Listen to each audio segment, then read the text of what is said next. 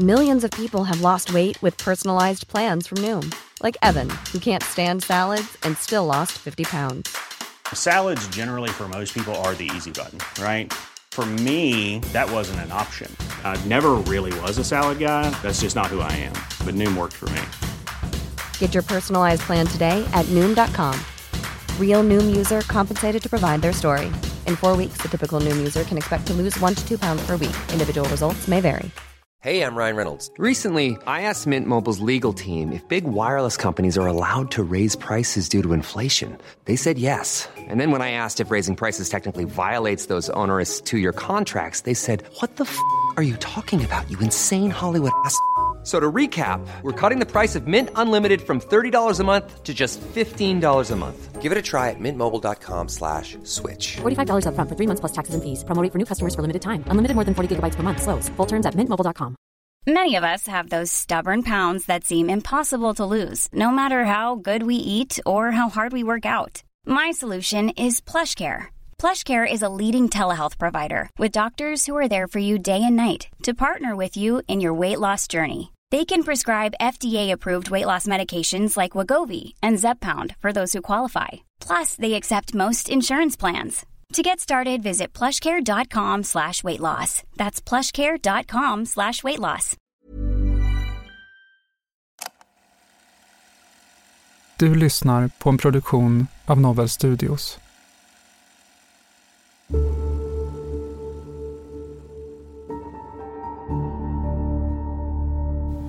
För dina barns skull. För att kunna hjälpa Sofie så mycket som möjligt, också i framtiden. Så är det ju också viktigt att vi får veta vad som har hänt. Hade jag vetat så hade jag sagt.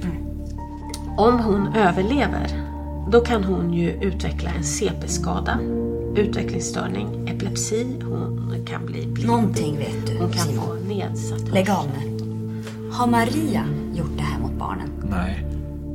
Det är ju stora delar av hennes hjärna som har försvunnit. Jag tror inte hon ser någonting heller. Det blir nog inte så mycket liv där eller för henne. Huvudsaken är att hon överlever i alla fall. Är det det? Det här är Förhörsrummet. En podcastserie som återskapar polisförhör från autentiska fall. Förhören är hämtade från förundersökningen. Ordagrant återgivna och gestaltade av skådespelare. I den här serien, som består av tre delar, hör vi polisförhör från fallet med tvillingpappan. Av hänsyn till närstående och övriga inblandade är samtliga namn och platser ändrade. Vi hör också Gunilla Blomberg som är kriminalpolis och specialist och utbildare i förhörsteknik.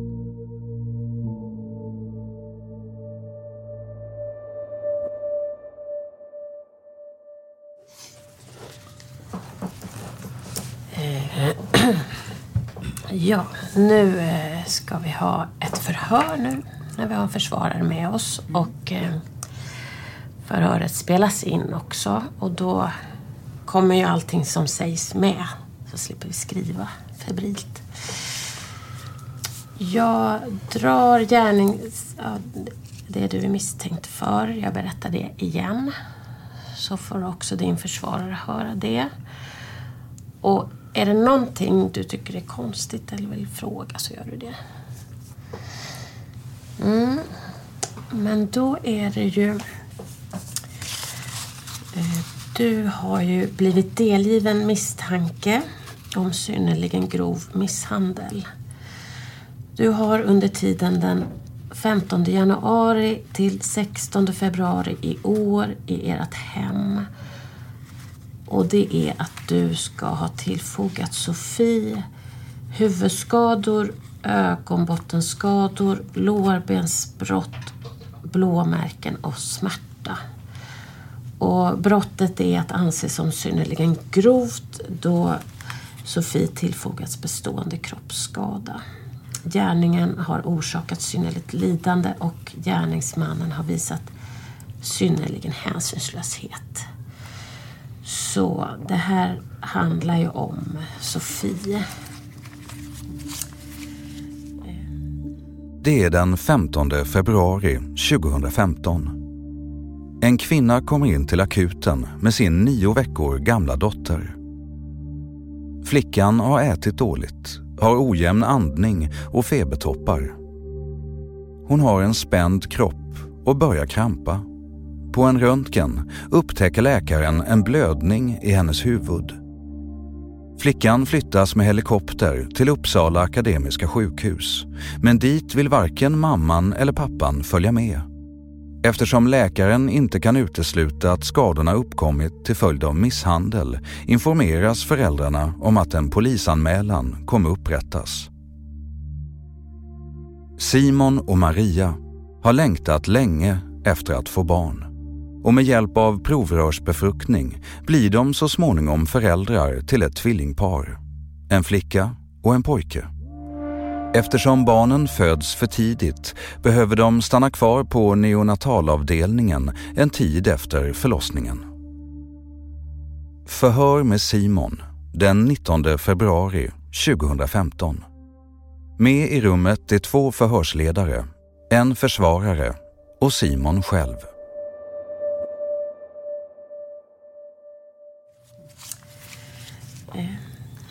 Kan du beskriva tiden när ni var på sjukhuset? Tuff. Man ville ha dem hemma. Mm. Eh, Beskriv mera jag, så att så jag förstår vad du menar. Ja, de... Jag sitter i ett rum med barnen och det är... Man vill komma hem till sitt, till sitt hem med sina barn. Mm, mm. Du sa eh, tufft. Eh, vad var det som var tufft? Litet rum. Inte hemma. Mm. Så hade jag lite tufft psykiskt då med. Hade du? Sa du, eller var det... Mm. Jag kom hem tre, fyra dagar innan de kom. Mm. Så hade jag genomgått en stor magoperation. Jaha. Så kroppen var inte riktigt med för mig då. Det här som du kände att det var tufft. eh, Det är det. Och att det var jobbigt att vara i det här lilla rummet hela tiden. Är- Är det någonting du har pratat med någon om? Nej, Nej. Inte med någon kurator eller någonting sånt. Jag tänkte med någon Maria, dina föräldrar eller någon sjukvårdspersonal Maria och sjukvårdspersonalen på Neo. på Neo. Mm, Okej. Eh, hur beskrev du det för dem? Att det var tufft. Att det var typ som ett fängelse. Att det här lilla rummet... eh, Visst, man kunde, få, man kunde inte gå ut och sånt där, men ändå. Det med tanke på att det inte var hemma. Att det var tufft, att det inte kändes som hemma. Var det någonting annat du pratade med dem om? Det var en eh, lördag. Då bröt Maria ihop och jag ihop lite. Och då sa jag vad jag tyckte och tänkte riktigt. Det var väl att man var psykiskt dålig just då. Man var rädd att man skulle skada barnen på något sätt. Så då tyckte sköterskan där att både jag och Maria skulle få åka hem på natten och ladda batterierna och ja, alla de tankarna var som bortblåsta då. Vad var det för tankar? Vad som skulle kunna skada barnen på något sätt. Kan du beskriva lite om de tankarna? Helst inte. Mm, det tror jag vore bra ja, med tanke på vad som har hänt. Att man var, får nå, något frispel och bara slår till dem på något sätt. Eller någonting. Mm. Kändes det som att du var rädd att du skulle kunna göra något sånt? Slå till dem till exempel, som du sa. Mm. Ofrivilligt. Mm, Som sagt, dagen efter när hon fick åka in igen. Då var det som om alla de tankarna var bortblåsta då. Det är så att det här var en lördag när ni fick frispel, som du kallar det för. Eller Eh, När du sa vad du, vad du verkligen kände, var det så den dagen bara eller hade det byggts upp eller? Det hade väl byggts upp lite. Undan för undan. Men i vilka skeenden kom de här känslorna då? då? Är det när du hanterar barnen där eller hela tiden? Det kom och gick. När jag hade något barn i famnen så antingen gick jag och la dem i, på, på, i, i sängen eller så fick Maria ta dem. De kunde ha kommit när de låg och sov i sin säng eller när jag var på toa eller någonting sånt. De tankarna, handlade de om barnen då? Mm. Men samtidigt så var man ju överlycklig över att ha dem där. Vad sa personalen då när du berättade om det här? Att det var fullt normalt att man kunde tänka så här. Att det är många som gör så tydligen. Du sa att Maria mådde dåligt också den dagen. Hur reagerade hon? Hon vart ju ledsen att höra det. det. De orden, tror jag. Men samtidigt eh, förstod hon också. Med tanke på operationen och några veckor innan. Och eh, att man inte var med kroppsligt och psykiskt riktigt. Mm. Och eh, på vilket sätt tror du att du skulle kunna ha skadat dem då?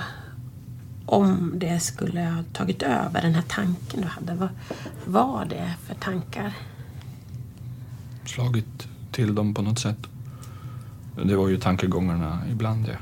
Mm. Gällde det båda barnen det? Mm. Så var ni hem sa du och sov en natt. Så kändes det bättre. Oh ja. Alla de tankarna var bortblåsta då. Och hur kändes det då när ni kom upp och träffade barnen igen? Lycka. Och se dem. Så sen då, när ni har varit hemma en natt och sovit och när du hanterar barnen. Och hur var det med de här tankarna då? Ingenting. Och hur mådde Maria? Mycket, mycket, mycket bättre. Ja, jag tänker, det är en omställning att få barn och det kan vara jobbigt och de sover inte som, en, som man själv gör liksom då. Och, och matas och... Hur funkade det för er? Det funkade bra. Första natten hade Sofie magknip men annars har det gått hur bra som helst. Om en annan är för trött så ber man Maria om hjälp och sånt och på nätterna. De här tankarna du hade på sjukhuset då, har de kommit igen någon gång? Nej. Nej. Och eh, hur funkade det för Maria då när ni kom hem, enligt vad du tycker? Det funkade bra. Har du, har du arbetat? eh, Har du varit hemma hela tiden? Mm. Med barnen? Ja. Eh, Har du ett arbete att återgå till då, liksom, eller? Ja. Mm. Men du har inte börjat jobba sedan bebisarna föddes? Nej. Inte? Nej. Var det någon plan när du skulle börja jobba? Jag skulle börjat i måndags. I måndag? Ja, just det. Den här veckan. Ja. Eh, Men det blev inte då. Så. Nej.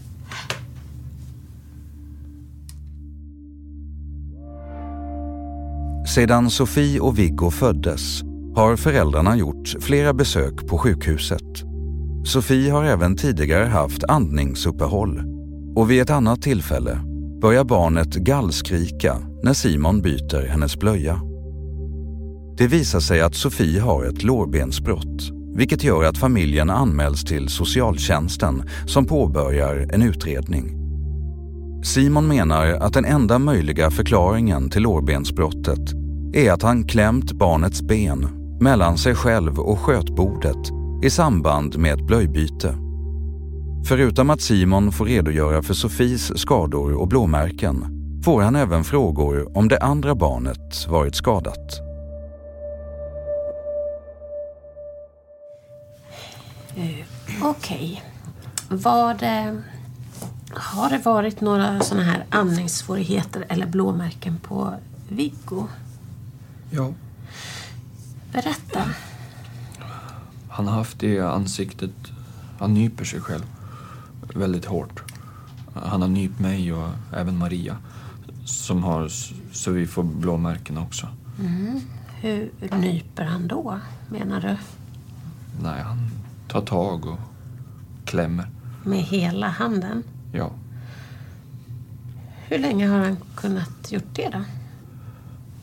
ja Ända sen... inte, inte ända sedan de föddes men jag kommer inte ihåg när de när vi började upptäcka att han klämde sig själv. Så eh, har han haft några blåmärken i ansiktet? Ja, Någon annanstans? inte som jag kommer ihåg. Nej. Och inga andningssvårigheter? Nej, Skador på honom? nej. Nej. Eh, ska vi ta en paus? Ja. Gå och prata med åklagaren. Mm.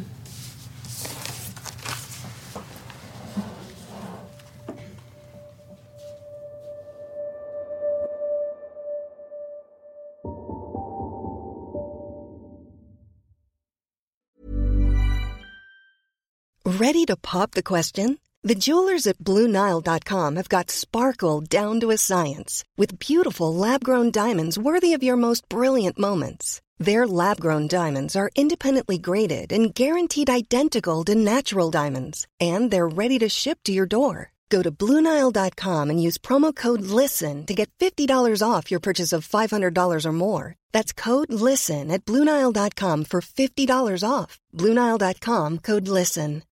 Millions of people have lost weight with personalized plans from Noom, like Evan, who can't stand salads and still lost 50 pounds.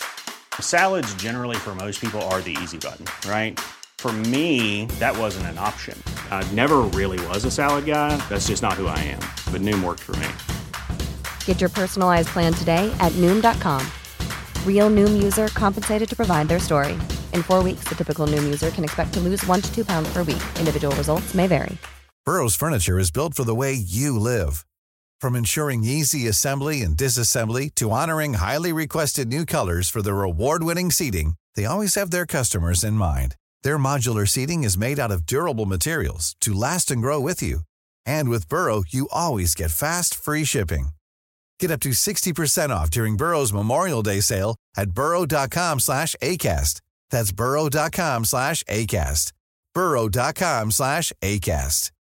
Hey Dave. Yeah, Randy. Since we founded Bombus, we've always said our socks, underwear, and t-shirts are super soft. Any new ideas? Maybe sublimely soft. Or disgustingly cozy. Wait, what? I got it. Bombus. Absurdly comfortable essentials for yourself And for those facing homelessness. because one purchased equals one donated. Wow, did we just write an ad? Yes. Bombas. Big comfort for everyone. Go to bombas.com slash ACAST and use code ACAST for 20% off your first purchase. Hiring for your small business? If you're not looking for professionals on LinkedIn, you're looking in the wrong place. That's like looking for your car keys in a fish tank. LinkedIn helps you hire professionals you can't find anywhere else, even those who aren't actively searching for a new job but might be open to the perfect role. In a given month, over 70% of LinkedIn users don't even visit other leading job sites. So start looking in the right place. With LinkedIn, you can hire professionals like a professional. Post your free job on linkedin.com/people slash people today.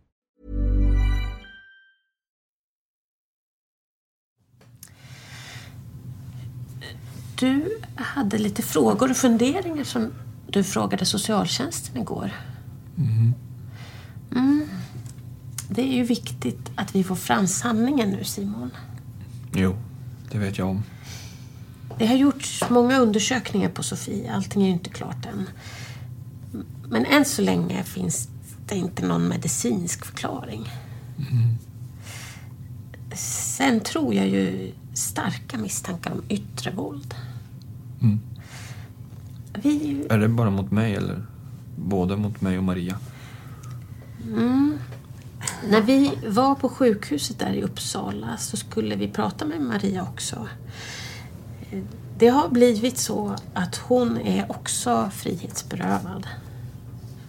Så vad har du för tankar om att barnen är själva då i Uppsala? För jävligt. De ska vara hos sin mor och far. Men de här tankarna du hade igår då? Att du frågar hur långt straff jag får, får jag träffa barnen igen? Hur kommer det sig att du säger det? En fråga, en fundering. Om man blir anklagad och dömd oskyldig och sånt så... Och tror du att det kan hända då i Sverige att man blir oskyldigt dömd? Jag vet inte. Nej. Jag är inte så insatt i sådana där här saker. Nej. Nu är barnen själva där. Du och mamman är här. Vad är det som har hänt, Sofie? Hade jag vetat hade jag sagt det. Mm. Hon har ju ögonbottenblödningar och hjärnblödningar och hjärninfarkter. Och hon har haft ett lårbensbrott. Om det skulle kunna finnas en medicinsk förklaring till så att eh, ögonbottenblödningen och hjärnblödningen hänger ihop så förklarar det inte ett lårbensbrott. L- lårbensbrottet har jag ju förklarat. Mm. De ska ju också göra en helkroppsröntgen igen på Sofie. Mm. Tänk om de finner någonting där då? Hur kan det komma sig? Inte den blekaste. Jag funderar för att...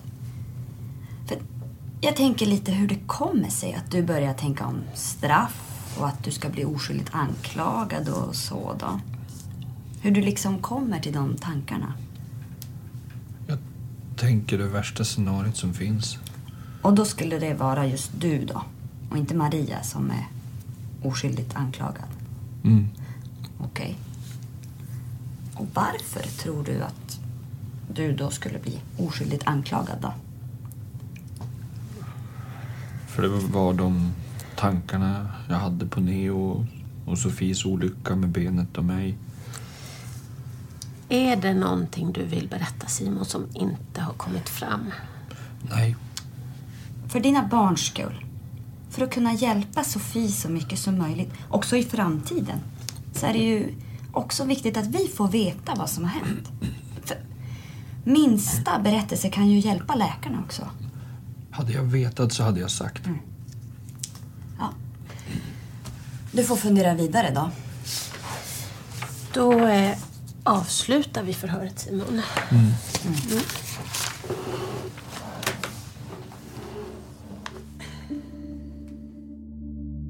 Några förklaringar till de skador som Sofie har vid det sista akutbesöket den 15 februari 2015 kan pappan inte ge. Han spekulerar kring om skadorna kan ha uppkommit två dagar tidigare då familjens hundar lekt nära det babygym som dottern låg i. Simon berättar att den ena hunden, Norma, kan ha råkat välta gymmet. Förhör med Simon den 20 februari 2015.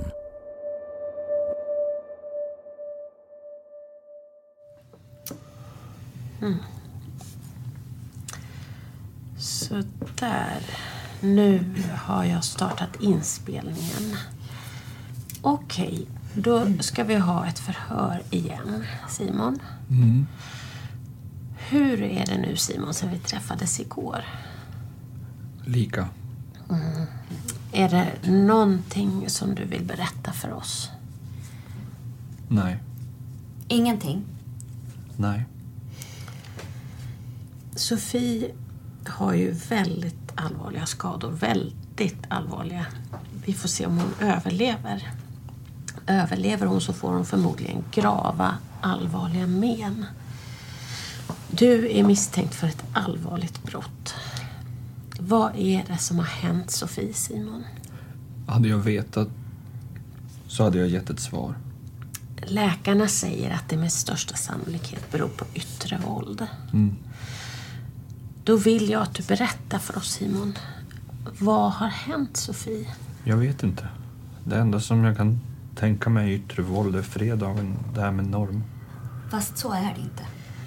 Vi har pratat med läkarna och pratat om det lite grann. Och de tror inte att hon kan ha fått såna här skador utav det. Mm, då vet jag inte. Du berättar för oss att det är du och Maria som mest hanterar Sofie. Mm. Vad är det som har hänt då? Jag vet inte. Det är kraftigt våld som hon blivit utsatt för. Hade jag vetat så hade jag gett dig ett svar. Men du, Simon. Det ligger en bebis. Det är din dotter som ligger. Hon är otroligt allvarligt skadad. Skador som hon inte får utav sig själv, eller hur? Jag vet. Och då vet du också vad som har hänt. Na. Nej, jag gör inte det. Tror jag. Jag är helt övertygad om att du vet det. Jag tror inte att du vill säga det bara. Och för att, för att hon ska kunna få den hjälp som hon förtjänar så måste vi få veta vad som har hänt. Jag vet inte, som sagt. Hur kommer det sig så i så fall, som har varit med henne i typ dygnet runt? Det är du som tar hand om henne. Det är du som tar upp henne på natten. Det är du som tar upp henne på morgonen. Det är du som byter på henne. Det är du som lägger ner henne i sängen. Hur fan kan du inte veta vad som har hänt henne då? Det får du förklara då. Du får förklara exakt för mig hur du inte kan veta det som har varit med henne hela tiden. Du har varit hemma med henne när Maria åkt på affären och du vet ändå inte vad som har hänt. Tala om för mig hur du inte kan veta det. För jag har inte gjort någonting. Jag har inte sagt att du har gjort någonting. Jag säger att jag vill veta hur du inte kan veta att hon... Hur du inte vet hur hon har blivit skadad. Därför jag kan inte komma på någonting som kan ha skadat henne. Förutom det där med hundarna. Ja, men det är inte hundarna säger jag till dig. Det är någonting annat. Och du vet mycket väl vad det är. Nej, jag gör inte det. Men alltså, då är du både blind och döv när du är med din dotter om du inte vet det. Tydligen är jag det då. Det är två barn, bebisar, nyfödda. Ni kommer hem. Du har blivit opererad nyligen. Maria har genomgått ett kejsarsnitt. Det är hundar ni ska gå ut med, hästar som ska fixas. Hästarna är inte hemma förrän för några veckor sedan. Nej, men nu talar jag om nyligen. För de här skadorna som Sofie har nu, det har hänt förmodligen under söndagen har de uppkommit. Då fanns hästarna där. Det är små barn. Det är mycket att ta in. Det är nytt. Ni ska upp på nätterna. Livet är helt annorlunda. Och det är inte konstigt om man har känslor. Att det är frustrerande, påfrestande. Liv, livet är helt underbart faktiskt. Vi har fått två barn som vi har längtat efter i så många, många år. Det är inte läge att skydda någon heller, Simon. För barnens skull och för din egen skull. Mm.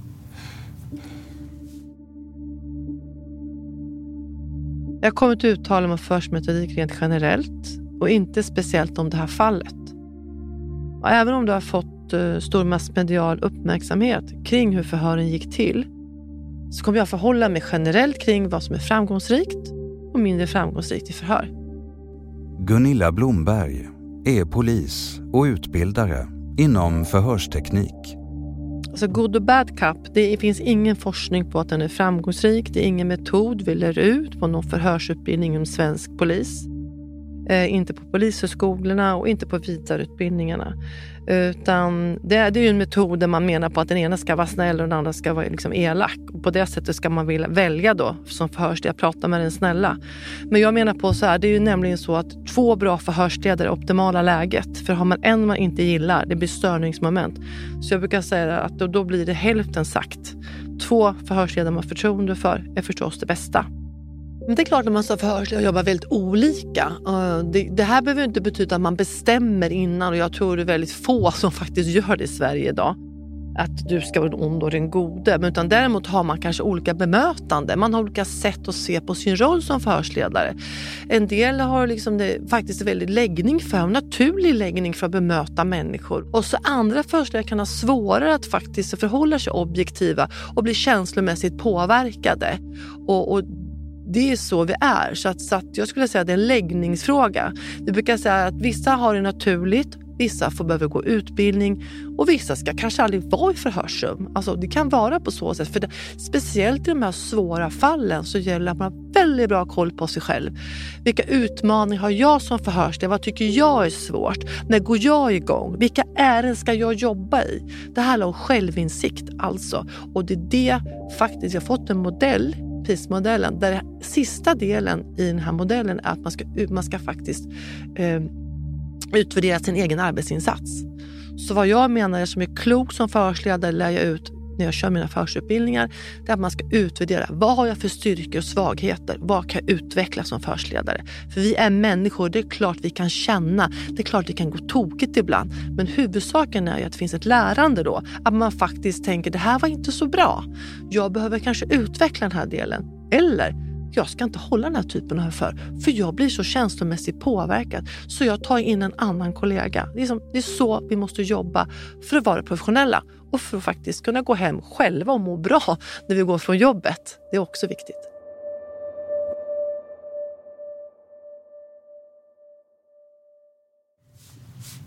Blir det inte för mycket för dig någon gång? Nej. Du har sagt tidigare när ni var på neonatal att det var för mycket. Har du haft de känslorna igen? Nej. Det är kanske som jag sa förut, det, det kanske inte alltid är... Det kan hända saker som man inte menar har hänt. Att man inte vill att det ska hända. Första natten när vi kom hem då hade Sofie magknip tror jag och var otröstlig.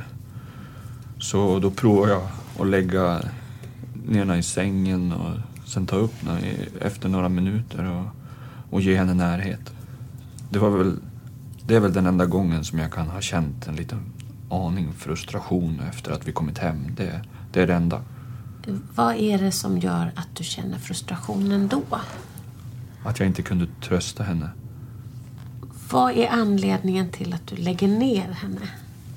För att testa om, det, om hon inte känner närhet och så får hon närhet om det hjälper.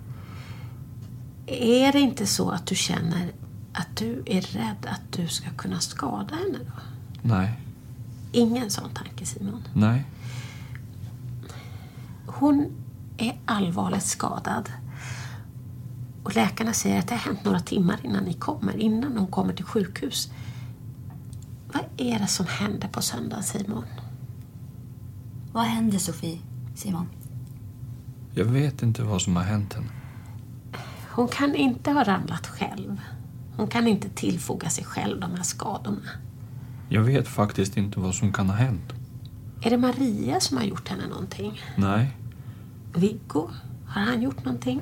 Han kan inte ha den där kraften. Nej, precis. Det är kraftigt yttre våld.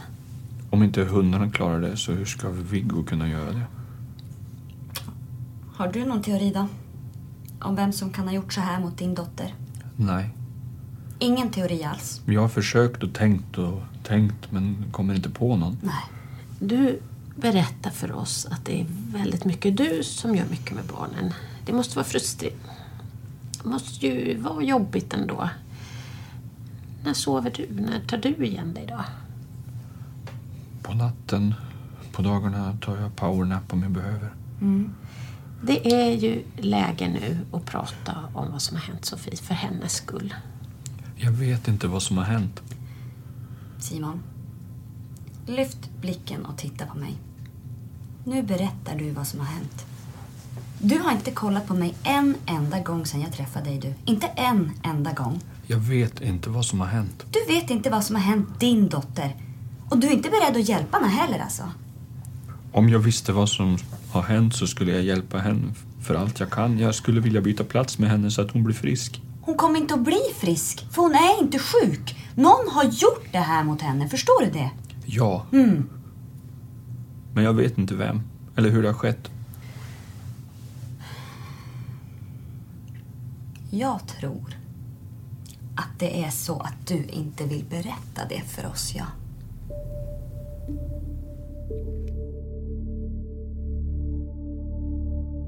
Du har lyssnat på Förhörsrummet och första delen av tre om tvillingpappan. Avsnitten släpps en gång i veckan. I de kommande delarna hör du bland annat det här.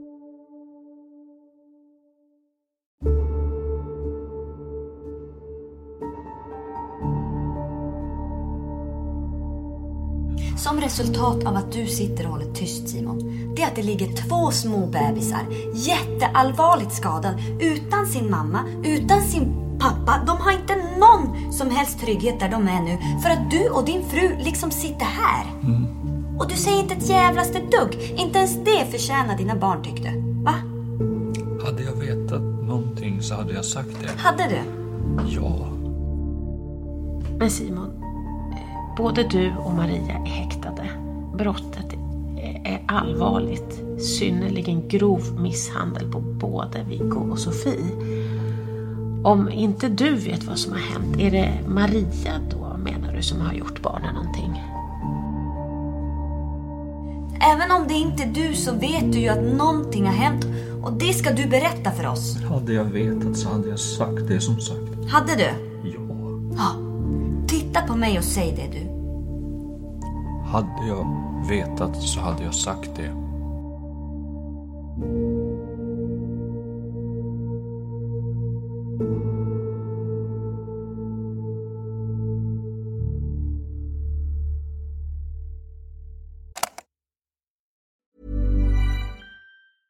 Hey, it's Paige DeSorbo from Giggly Squad. High quality fashion without the price tag. Say hello to Quince.